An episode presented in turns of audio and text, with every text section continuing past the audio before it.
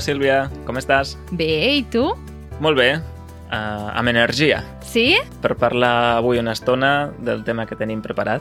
Molt bé, molt bé. encara no direm, que encara no direm, perquè primer de tot hi ha algunes coses que volem comentar, i és que fins ara podíeu escoltar el podcast en moltes aplicacions de podcasting, per exemple, doncs, Google Podcast, Apple Podcast, no? eh, també a Spotify, a Pocket Cast i moltes altres, però ara també teniu disponible el podcast a iVox, que és una de les principals aplicacions de podcasting, no? I també aviat estaran disponibles tots els episodis a YouTube. Ja us en donarem més detalls, però serà una opció més que tindreu disponible per escoltar tots els episodis. Ué!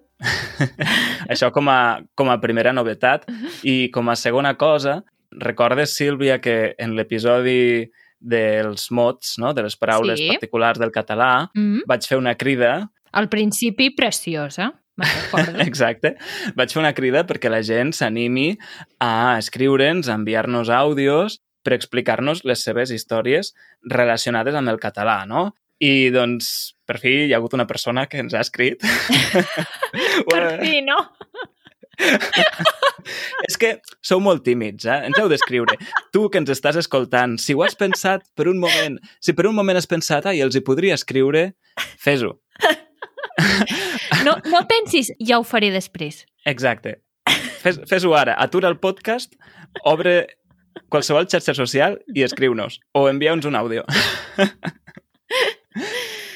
I qui ens ha escrit? Qui ens ha escrit? Això, ens ha escrit el Bernardo des de l'Argentina. Diu, benvolguts Sílvia i Andreu. Us escriu el Bernardo Latini i us escolto des de l'Argentina. Soc compositor i director de corals. Uau! Hm? He pres contacte amb la vostra llengua perquè he sigut durant 11 anys director de la coral del casal català de la meva ciutat, La Plata. Ho veus? Ho veus? A l'episodi passat ho vaig explicar, que a Argentina hi ha una comunitat molt gran. Continuem, continuem, perdó.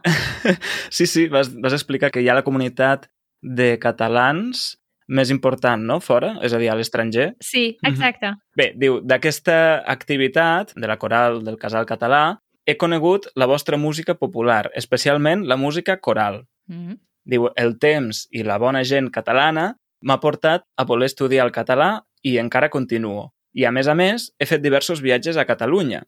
El darrer ha sigut una estada d'estudis continuats en composició a l'ESMUC, a Barcelona. Mm. L'ESMUC és l'Escola Superior de Música de Catalunya, no? que és una escola doncs, de prestigi Sí, de música de, de Catalunya. exacte. Bé, i, i acaba el missatge dient cada episodi vostre és una nova oportunitat per continuar practicant el meu català i aprenent costums i aspectes importants de la vostra cultura. Un plaer i enhorabona per la vostra feina. Ui, moltes gràcies, Bernardo. Moltes gràcies. Hosti, que Uau.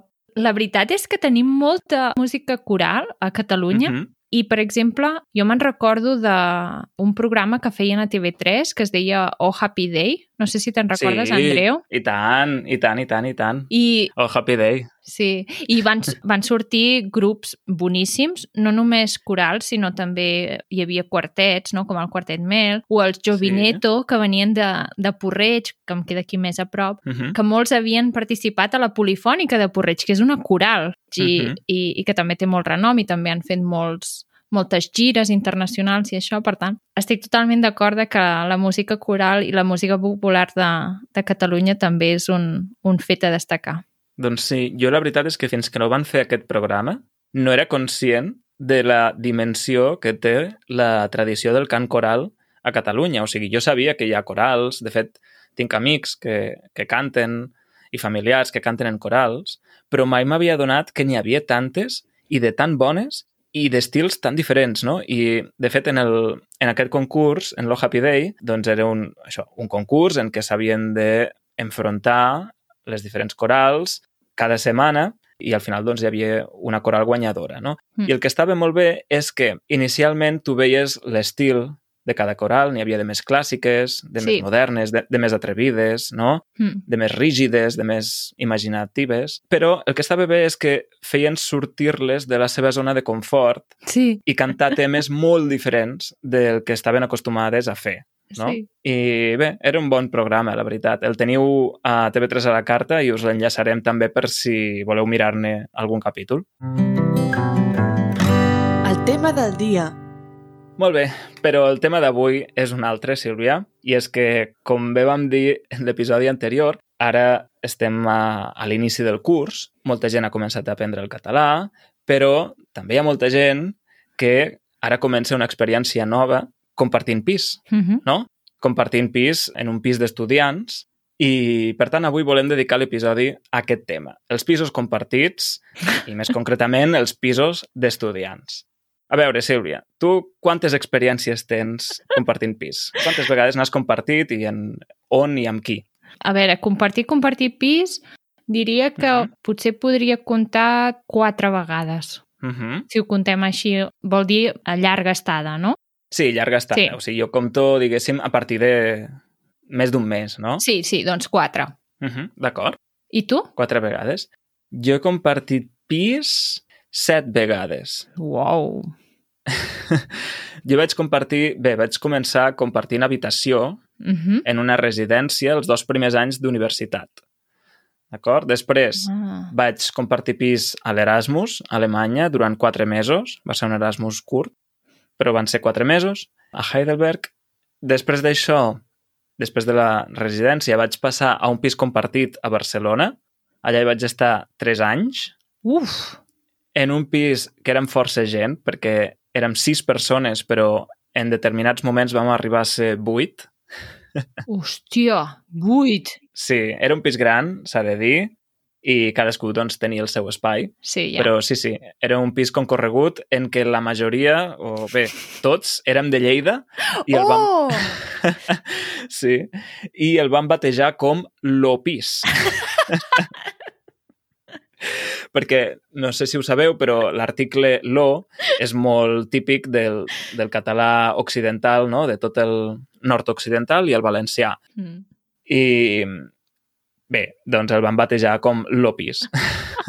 No, però t'he de dir una cosa, Andreu. La veritat és Sí. que eh, és molt, molt comú que, Mhm. per exemple, hi hagi un pis a Barcelona que sempre estigui Mhm. llogat per gent de Berga, per exemple, no? I llavors, quan Sí. aquesta gent ja s'han graduat, llavors venen altres bergadans. Vull dir, hi ha, hi ha pisos que només són d'un d'un lloc concret de Catalunya, no? I només hi van gent d'aquell lloc. Sí, sí, sí. Sí, això És passa. veritat, clar, és normal, no? Perquè quan, si comences un pis, no? allò que Sí. dius, vull, vull començar un pis compartit, doncs busques els teus amics i el, el més habitual és que doncs, Clar. siguin amics del, de la, del mateix origen, de la mateixa ciutat o poble d'origen que tu.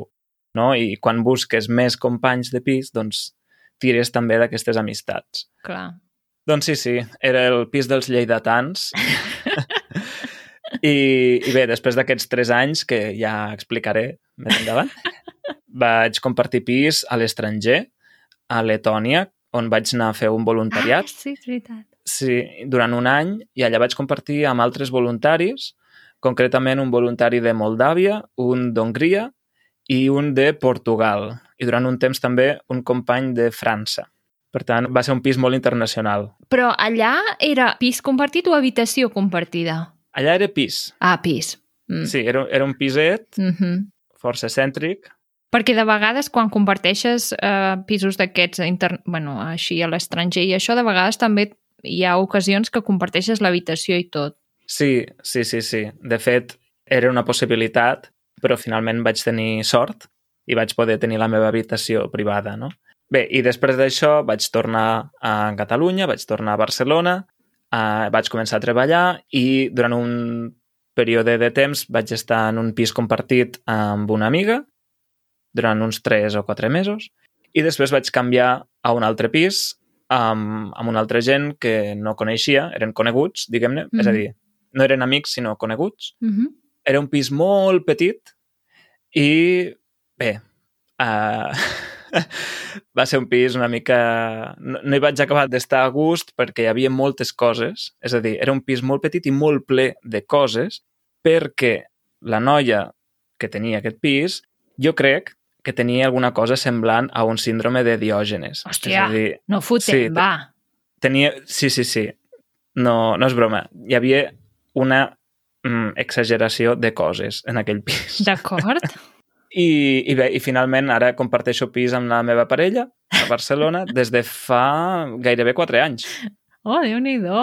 Uau. Sí, sí, sí. Per tant, set experiències compartint. Mare meva. Sí, sí. I tu, Sílvia, com han estat aquestes quatre experiències que has comentat abans? Doncs bé, Segur? No m'ha no convençut aquest, doncs bé. no, eh, totes les experiències són bones, siguin bones o dolentes, són bones al final. Vull dir, en el moment en què les vius potser et sembla que no són bones experiències, però amb el temps has après alguna cosa. Uh -huh. I, per tant, bones totes. D'acord. Però abans que res, abans que res, fes un, un resumet de cada experiència. On va ser, amb quines persones... A veure, la primera experiència, que va ser el primer lloc on vaig anar a viure, que va ser el primer any de carrera, va ser en Mhm. un pis que era a l'Hospitalet, o sigui, al costat de Barcelona, i compartíem pis, o sigui, jo i tres persones més. Hi havia dues noies i un noi. Uh -huh. Llavors, després d'aquell pis, vaig anar a viure a un altre pis on compartia eh, només amb una persona, amb una, amb una dona. Uh -huh. Llavors, després d'aquí ja me'n vaig anar cap a Alemanya i allà vaig compartir pis amb dos eh, nois que eren alemanys D'acord. i una noia que era també de Barcelona. Uh -huh. I llavors vaig anar a un altre pis, també a Alemanya. Eh, aquesta Mhm. vegada hi havia només una altra noia, perquè era un pis molt, molt petit, i aquesta noia era francesa. I, per últim, Ah, però això ja són quatre, no? sí, perquè llavors vaig tornar i ja vaig tornar aquí a casa. Sí, ja està. Aquest episodi està patrocinat per iTalki, un web per trobar el vostre professor particular. Si apreneu una llengua, que és el cas de molts dels que ens escolteu en aquest podcast, veureu que no tothom és igual a l'hora d'aprendre i, per tant, no tothom aprèn de la mateixa manera i al mateix ritme. Exacte. Hi ha qui estudiar amb un grup de persones li va perfecte, hi ha altres persones que això el fan anar més lent del que voldria o massa de pressa.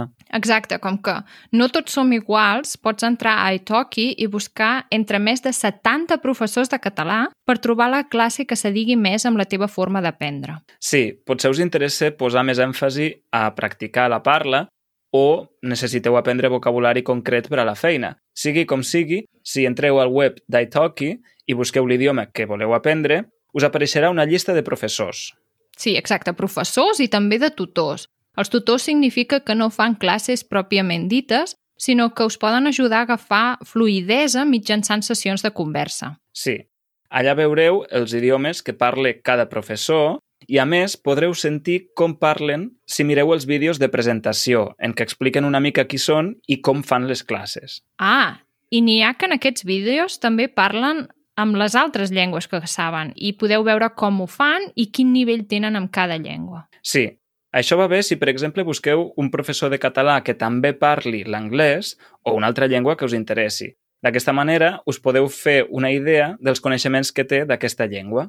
Ei, Andreu, i no ens deixem el més important. Ep, tens raó. A iTalki, la primera classe normalment té un preu reduït. Doncs si us registreu a iTalki a través de go.italki.com barra easycatalanpodcast, després d'aquesta primera classe amb el preu reduït, tindreu crèdits per valor de 10 dòlars per gastar en les següents classes. Això vol dir que ho teniu molt fàcil per fer el primer pas, que sempre és el que més costa. Apa, esperem que us hi animeu i que gaudiu de les classes. D'acord. És a dir, dues experiències a Barcelona i dues a Alemanya. Exacte. Uh -huh. D'acord. Llavors, quins records guardes d'aquestes experiències, no? O, o quines anècdotes recordes d'aquestes experiències? A, a veure... eh, una de les experiències que recordo mm, Uh -huh. és una vegada que eh, em vaig llevar al matí Uh -huh. més aviat em vaig despertar i vaig sentir com si... Sabeu quan us desperteu d'un somni i no saps si és un somni o és la realitat? Que est estàs Sí. encara molt adormit, d'acord?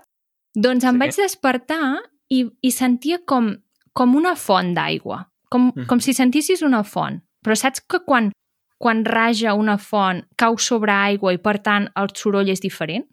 Doncs sí. això, com una font d'aigua. I llavors em vaig anar despertant, anar despertant i vaig pensar hòstia, però això se sent aquí al pis. Em vaig aixecar corrent. vaig sortir de la meva habitació i al costat tenia la cuina i efectivament estava tot inundat i l'aixeta oberta. Aquesta és una de les experiències. Perquè algú, I, I la culpa era d'un company o companya Exacte. de pis, no? exacte, Mhm. algú va deixar la- l'aixeta totalment oberta tota la nit, la pica, Mhm. a més, estava plena de estris de cuina, plats, gots, etc que algú no havia rentat i, per tant, allò va fer de tap, de forma que es va omplir la pica d'aigua, vas començar a sobreixir tota l'aigua, baixant pel que és al davant de tots els mobles de la cuina i va inundar tota la cuina i va sortir de la cuina i se'n va anar cap al passadís. Mare La meva. qüestió, la qüestió és que aquell pis era de parquet i tot era de fusta. per tant, el primer que vaig fer va ser apagar l'aigua, cridar-los a tots, perquè tots estaven Mhm. dormint, ens vam despertar tots, vam agafar tot el que teníem en mà, o sigui, fregona només n'hi havia una, vam agafar totes les tovalloles que teníem i tot, els assecadors de cabell i ens vam posar a aixugar tot el dia. Tot el dia. Amb els calefactors així màxima potència per aixugar tot l'aiguat que hi havia hagut. Mare meva. Ostres, doncs, Sílvia, ara m'has fet recordar una anècdota que l'he d'explicar ara perquè és una mica semblant, i és que quan, quan vaig arribar a Alemanya per fer l'Erasmus, Mm. els companys de pis de, del pis on havia llogat l'habitació estaven tots de viatge perquè en aquell moment estaven de vacances, d'acord? Mhm. Llavors, quan jo vaig arribar al pis, estava sol i ningú em va explicar pràcticament res. Aleshores, al cap d'uns dies vaig voler posar una rentadora i resulta que la rentadora estava espatllada. Ai, Déu meu. I jo vaig posar la rentadora i me'n vaig anar. Què va passar? Doncs que va sortir tota l'aigua, va inundar tota la cuina, perquè la rentadora era a la cuina, no preguntis per què, era a la cuina, i no només la, cuina del pis, sinó també el pis de sota. Hòstia, Andreu! Va generar una gotera, o, o gotera, o, o, o, o cascada al pis de sota i es van, es van queixar els veïns. Com que els hi falta poc, saps, per queixar-se. D'acord. Jo no me'n vaig assabentar de res, perquè aleshores, eh, quan vaig posar la rentadora, sí que hi havia algú més al pis i no vaig ser jo qui va haver de menjar-se la bronca dels veïns. Sí. Però sí, sí, vaig, vaig muntar una mica un desastre, però a veure, jo no ho sabia que la rentadora no funcionava. Què costa enganxar-hi un paper, no? I dir, Clar. no funciona. Sí, sí, sí. En fi, però estàvem amb les teves anècdotes, així que continua. No, però la teva entrada triomfal al pis va ser maca, no? Sí, sí. Bé, de fet, l'entrada triomfal va ser que jo vaig arribar i el dia que vaig arribar no hi havia ningú. No hi havia ningú, jo tenia un telèfon, vaig trucar-hi diverses vegades i no em contestaven. Resulta No. que el noi, el noi aquell estava a, al Vietnam o, o a Indonèsia, no sé on. Allà al costat. Sí, i no em contestava. I al final, aquella nit, la vaig passar en un hotel. De veritat! La vaig passar en un hotel, sí, i l'endemà vaig aconseguir entrar, però la primera nit no vaig poder dormir al pis. Hòstia. Sí, sí, aquesta va ser l'entrada triomfal. I bé, ja que estem parlant d'aquest pis d'Alemanya, doncs ja acabo. I la qüestió és que hi havia dues residències per a estudiants d'Erasmus i la majoria d'Erasmus van anar allà no? i estaven tots concentrats en aquelles residències. Jo volia practicar l'alemany i per això vaig buscar un pis en què els altres companys fossin alemanys, no? Uh -huh. Doncs primer vaig tenir aquesta, aquesta mala sort que no hi van ser durant ben bé un mes perquè estaven de vacances i després, quan van arribar, resulta que un d'ells consumia molta marihuana Uf, i es passava el dia tancat a l'habitació no. fumant. Fu- Bé, fumant i suposo que fent altres coses, però sempre tancat a l'habitació, no? totalment aïllat. I després, els altres dos eren parella i eren tots dos estudiants de psicologia. I bé, eren estudiants de psicologia, d'acord, però és que a més tenien, diguem-ho així, desordres emocionals importants, no? I aleshores les, les discussions de parella eren, eren molt intenses. Molt intenses. Fins i tot van arribar a trencar plats, és a dir, a llançar plats pels aires. La noia cada dos per tres amenaçava d'anar-se'n del pis Ai, i bé, amb la qual cosa, doncs, jo vaig fer com el- com l'altre company i em vaig aïllar en la meva habitació. sense, sense fumar marihuana, Ah, però em vaig aïllar. No gosava fer la pregunta. No, no, a mi fumar no, no m'agrada gens, però sí, sí. Per tant, aquesta va ser l'experiència, per no parlar de... No acabarem mai. No acabarem mai. per no parlar de la quantitat d'ampolles de cervesa i vi i alcohol en general que hi havia a la cuina, a terra, Ja, ja, ja, ja. però impressionant, Ja. impressionant. Jo tenia els meus prejudicis dels alemanys, però eren prejudicis bons, no? Prejudicis de puntualitat, d'ordre, de neteja. Vaig arribar allà i era tot el contrari. I tu dius, aquesta no és la imatge que nosaltres sabem, eh? No, no. Hòstia. En fi, aquesta va ser, aquesta va ser l'experiència de l'Erasmus, al pis Ai, compartit. Per favor, per favor. Quin horror. No, no, de veritat. O sigui, eh, és que d'experiències n'hi ha moltíssimes. N'hi ha moltíssimes. Sí. Vull dir, un episodi de podcast no dona per explicar-les totes. No, no, estic veient que no. No, no dona. Doncs Sílvia, comparteix alguna altra anècdota teva, va. A veure, una que també sigui divertida. Um... Bé, doncs una altra experiència que m'agradaria explicar-vos i que el Joan sempre em recorda és la vegada que vaig marxar, o sigui, l'últim dia que vaig estar en el pis d'estudiants aquest que, que havia viscut a, a l'Hospitalet. Heu de pensar uh Mhm. -huh. que aquell pis d'estudiants no era un pis allò que diguem molt net. Vull dir, havien fet un horari, no? Saps, no, Andreu? El, el típic horari, no? Sí, que sí. cadascú té un color i llavors hi ha els diferents eh, llocs de la casa i, i cadascú Sí. ha de netejar un lloc, no? Mm. El típic horari que hi és, però que al final ningú compleix. Exacte, exacte. doncs, doncs de quatre que vivíem allà, només netejava una altra noia i jo. I Mm -hmm. com és de suposar, només netejàvem quan a l'horari posava que havíem de netejar. Mm -hmm. Per tant, això significa que una netejava un dia i potser passava un mes fins que l'altra no netejava. D'acord? Mare meva. D'acord. Sí. S'entén, oi? El nivell, tant, sí, el sí. nivell de brutícia que hi havia allà dintre. I és evident que jo no, no volia netejar més perquè ja ho feia suficient. Mm -hmm. Total, al final, el dia que me'n vaig anar, estava esmorzant a la cuina i el Joan diu, què és això que hi ha al terra? I hi havia un xiclet enganxat com els del carrer. Sabeu quan aneu pel carrer i hi ha un xiclet enganxat a terra?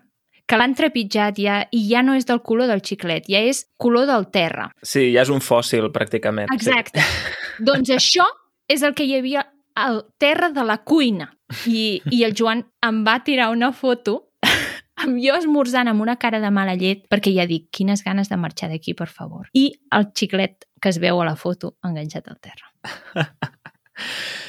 Ai, doncs encara em sembla una anècdota suau. Què dius, Andreu? Sí, Per relacionat amb la favor. neteja, sí, sí, sí, sí.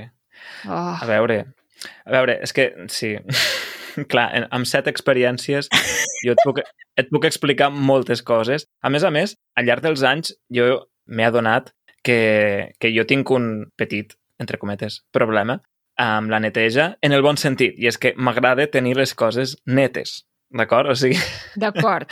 Però hi ha gent que ho fa excessiu, eh? ja, no, a veure, jo tinc una mica de, de toc, entre cometes també, amb la neteja, perquè doncs, a vegades em pot agafar per netejar, no sé, les juntes de les rajoles i, D'acord? i m'hi fixo bastant, o a netejar doncs, ben bé doncs, el, els culs de les paelles o coses així, no? Però això passa de tant en tant, no és que sempre sigui així. Puc tolerar un cert nivell de brutícia, d'acord? Però sí que, en general, en tots aquests pisos que he compartit, jo era qui portava la veu cantant quan a neteja i ordre, no? Perquè sempre m'ha agradat doncs, que hi hagi una organització i que es compleixi i, i bé, i, i tot això. Clar, també és veritat que en aquesta edat, que és l'edat en què t'emancipes, no? Mm. te'n vas de casa i has d'aprendre aquestes coses. O sigui, són Mm. el tema de l'ordre, doncs, que moltes vegades a casa l'hem après d'aquella manera perquè qui se n'encarregava sobretot eren els pares o la mare, no? Sí. I aleshores, doncs, en aquesta edat ho has d'aprendre. I, per tant, hi ha molta gent que no té aquesta responsabilitat o no té aquesta necessitat de tenir les coses tan netes. O potser no li importa. Sí, hi ha gent que no li importa. Exacte. Hi ha gent que, que tolera molt bé el caos i, i, i el desordre i, i la brutícia, no? Sí. El cas és que altra gent com jo no. I bé, doncs, és, és una qüestió a tractar. Llavors, jo crec que el més important en un pis compartit és la comunicació, sobretot, que hi hagi comunicació, que es pugui parlar i acordar, no? Mm. Per, per mi el nivell acceptable serà un i per un altre serà un, un altre nivell, però el que cal és acordar, no? Sí, El que pot fer i, i, el que, i el que cal fer. sí. Per tant, jo crec que aquest és el factor més important, no? I, Mhm. i és un dels aprenentatges que he fet compartint pis. Sobretot la comunicació, eh, dialogar, acordar, cedir, també, cedir quan cal, però, però clar, sisplau, hi ha d'haver uns mínims.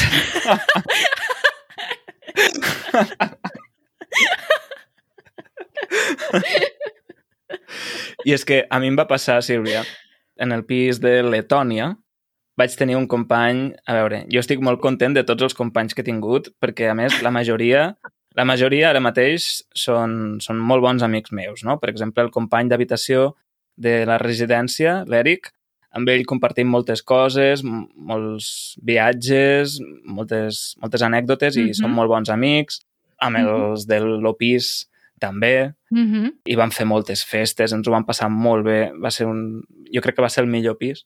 I en el pis de, de Letònia, doncs, també he fet bones amistats, però vaig tenir un company que era especialment brut, en el sentit que embrutava molt i no netejava gens, no? Aleshores, Hòstia. perquè dius, dius, si ets brut però embrutes poc, doncs mira, encara, no? És a dir, si, si neteges poc però tampoc embrutes, doncs encara. Però aquest noi era cuiner, li agradava molt cuinar, organitzar festes, sopars, convidar gent, i, i això ho feia molt bé. però clar, la part, la part posterior, diguem-ne, doncs aquesta ja no. Puf. I bé, va ser una mica conflictiu en aquest sentit i va caldre, doncs això, comunicar-se i, i dialogar. Mm -hmm. Sí, sí. Déu-n'hi-do. Vam haver, de, vam haver de fer molts esforços en aquest sentit. Buf. Déu-n'hi-do. Sí, doncs sí. ara jo m'he recordat d'una altra cosa. Uh -huh.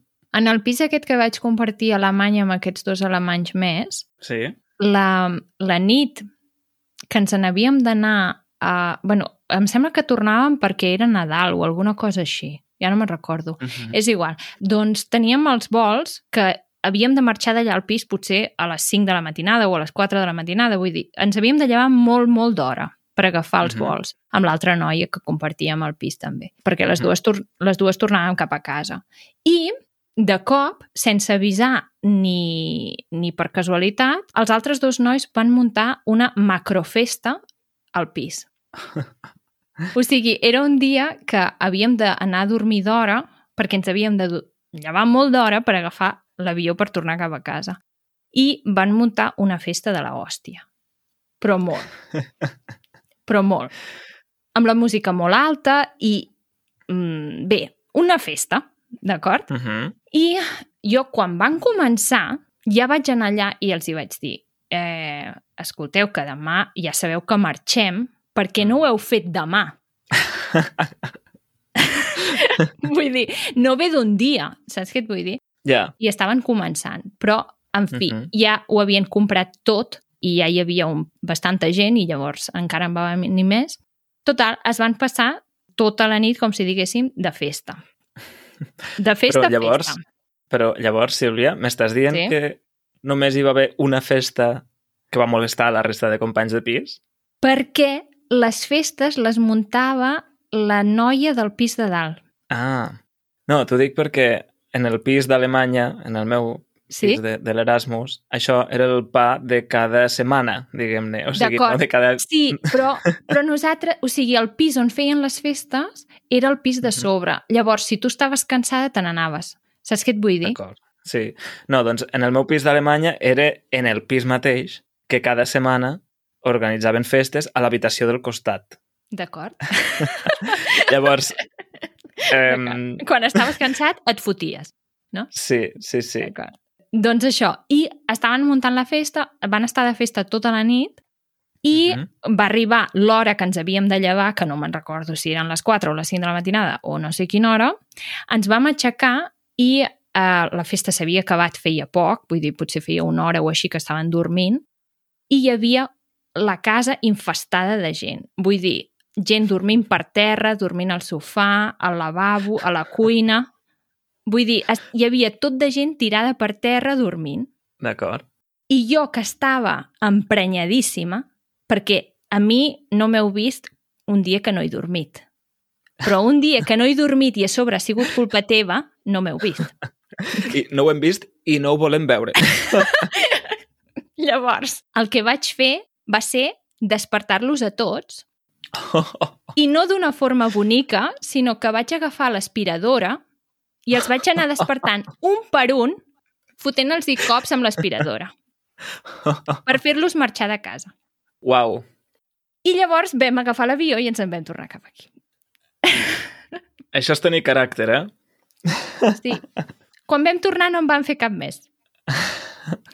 Déu-n'hi-do, déu nhi déu No, Andreu, és que aquella nit va ser mm, molt xunga. Uau. Doncs, bé, jo he d'explicar una altra anècdota i ja serà l'última perquè haurem de gravar un altre episodi parlant, parlant de pisos compartits, definitivament, eh? Però parlant de festes, en el pis de l'Opis, el pis de Lleidatans, Mm -hmm. uh, hi havia una companya que estudiava Història de l'Art i que, diguem-ne, estava, es relacionava amb gent, doncs, així, diguem, de la- de l'esfera bohèmia, una mica hipster, no? Mo- moderneta de la ciutat de Barcelona. Mm.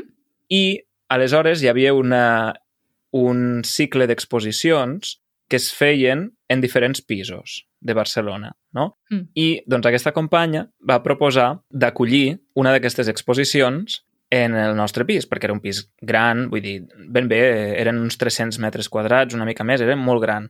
I va pensar, doncs, això, d'oferir el nostre pis per a fer una d'aquestes exposicions d'art, d'acord? Que era art contemporani, fet per gent jove, etc etc. Mm -hmm. D'acord, ens ho va consultar, vam accedir-hi, vam dir que sí, i el dia de l'exposició, la resta de companys, quan vam arribar al pis després de les classes que havíem tingut durant el dia, vam veure que el pis estava totalment colonitzat, ocupat, pel, pel bo i millor del món hipster de Barcelona. Gent amb, diguem, amb outfits, no? amb, amb, Aparences. amb aparences i vestimentes i pentinats molt diversos i molt peculiars. Vull dir, heu de pensar que nosaltres, doncs, no sé, som en aquest sentit molt normals. Bueno, normals. Tothom és normal, Andreu. Normals en el sentit que no cridem l'atenció especialment per, Molt nostre casuals, estil. no? Sí, molt, molt casuals, exacte. Mm -hmm. Vull Mhm. dir que de texans i samarretes, saps Sí. què vull dir? Sí.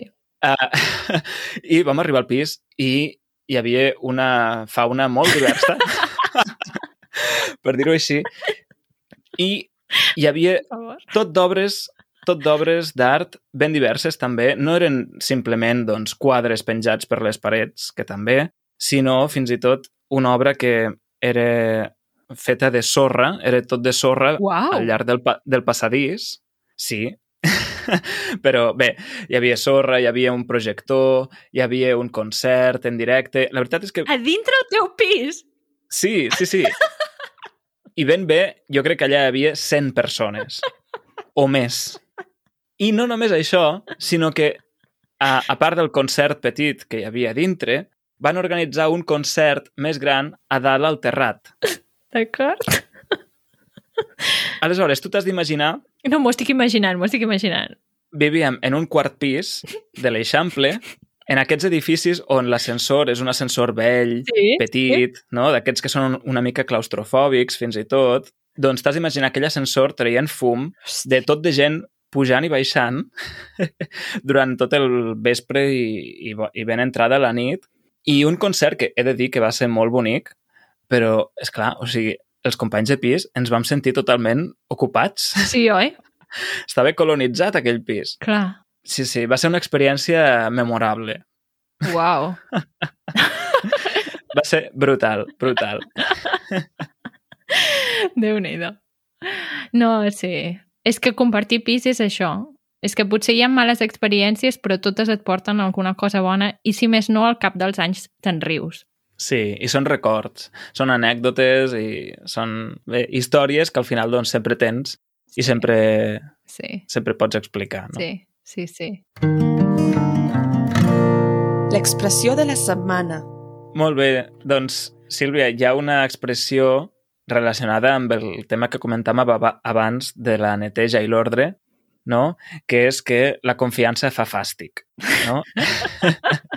tu la fas servir gaire, aquesta expressió? Jo l'he fet servir moltíssim.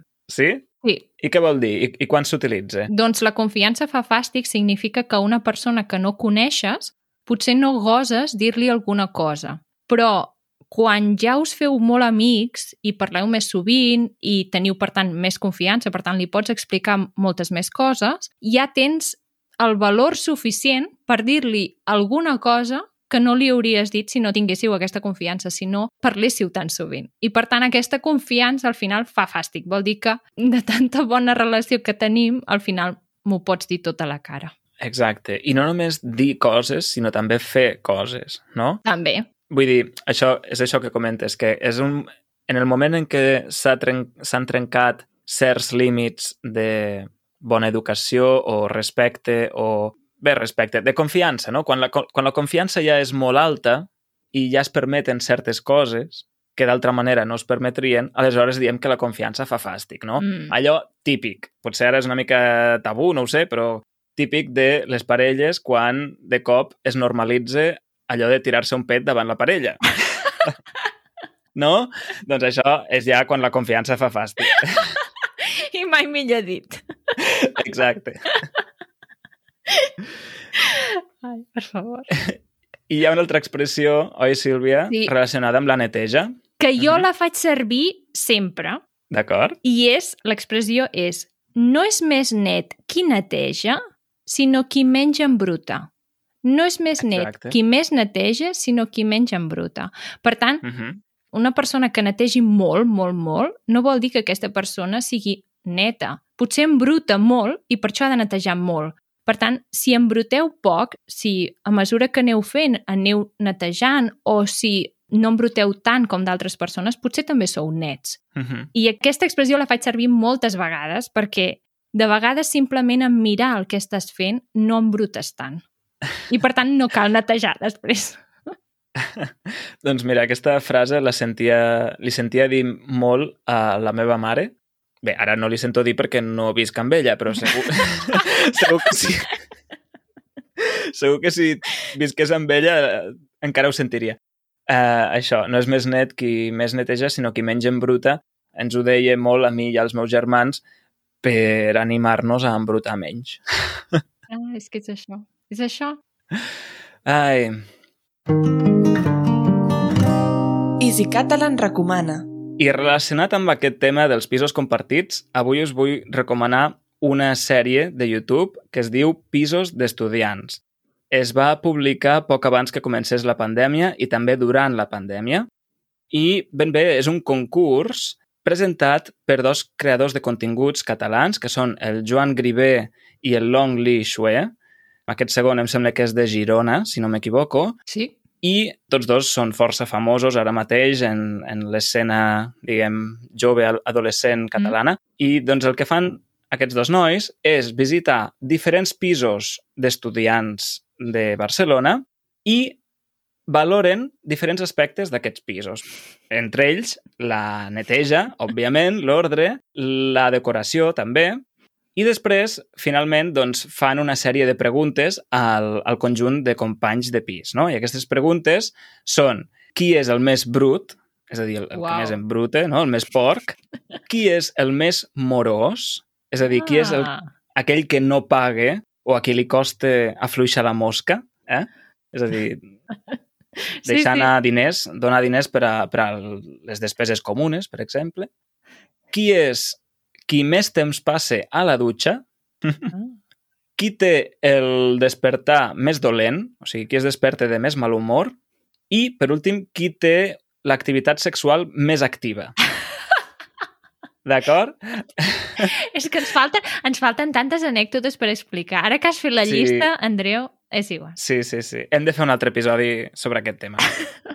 I, i bé, i finalment doncs, també els hi pregunten als companys de pis quina és l'anècdota més memorable que ha passat entre aquelles parets, no? Ah, per tant, bona. doncs és una sèrie de YouTube mm, molt recomanable perquè és molt divertida, molt entretinguda. Si a més a més esteu en aquesta època de les vostres vides en què esteu compartint pisos mm, amb altres estudiants o voluntaris o gent jove, segur que us hi sentiu reflectits d'alguna manera.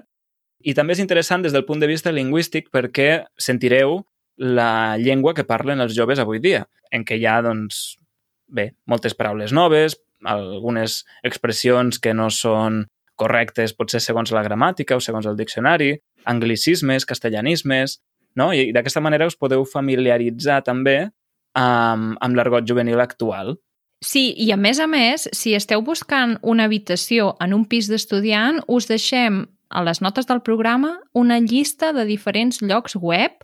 Molts d'ells es troben en pàgines de Facebook i són molt actius. Per tant, si busqueu habitació o si n'oferiu, podeu eh, mirar aquestes pàgines que us deixem a les notes. Exacte. Jo recomanaria, a l'hora de buscar habitació, de tirar del, del boca a orella. O sigui, de preguntar si teniu coneguts a Barcelona o a Palma o a València.